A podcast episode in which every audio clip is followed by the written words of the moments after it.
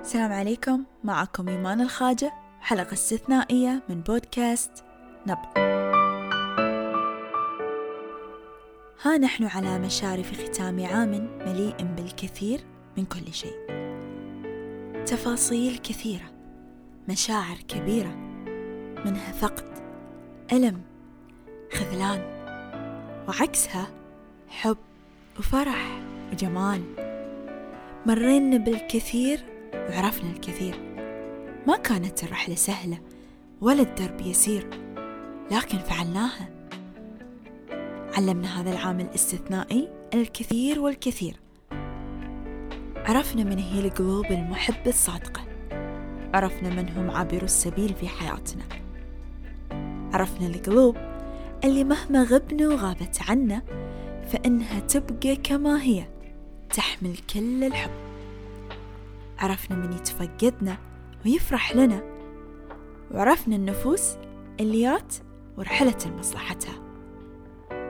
عرفنا أن الحياة تزدان باللطف والابتسامة والسماحة وأن الطموح يتحقق بحلم وسعي له وجدنا أن المخرج في كل شيء هو الدعاء والالتجاء إلى الله. وأننا سنبصر النور بأرواحنا وقلوبنا حين نوقن بتدبير الله لكل شيء. تعلمنا أن الحياة تعاملنا بالمثل فعلينا أن نحسن معاملتها. فكن محبا صادقا وفيا. عامل الآخرين بلطف وإنسانية قبل كل شيء. ثق بنفسك. كن أنت الثابت حين تتغير النفوس. لا تسمح لأحد أن يقلل من شأن طموحك ونفسك. فكل إنسان تختلف اهتماماته ويختلف تفكيره. في ختام العام الحمد لله على كل النعم.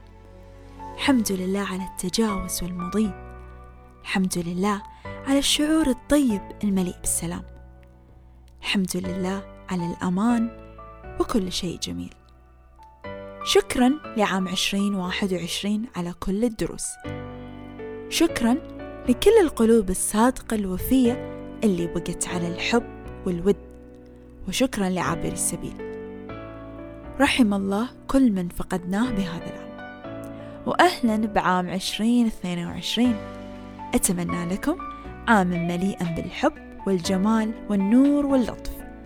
واصلوا الحلم واصلوا الطموح وواصلوا تحقيق الأماني. كونوا بخير دائما. مبتسمين فرحين ومتوكلين على الله. في الختام وحتى نلتقي من جديد. دعوا الأعوام تنبض من خلالكم. كانت معاكم إيمان الخاجة وبودكاست نبض.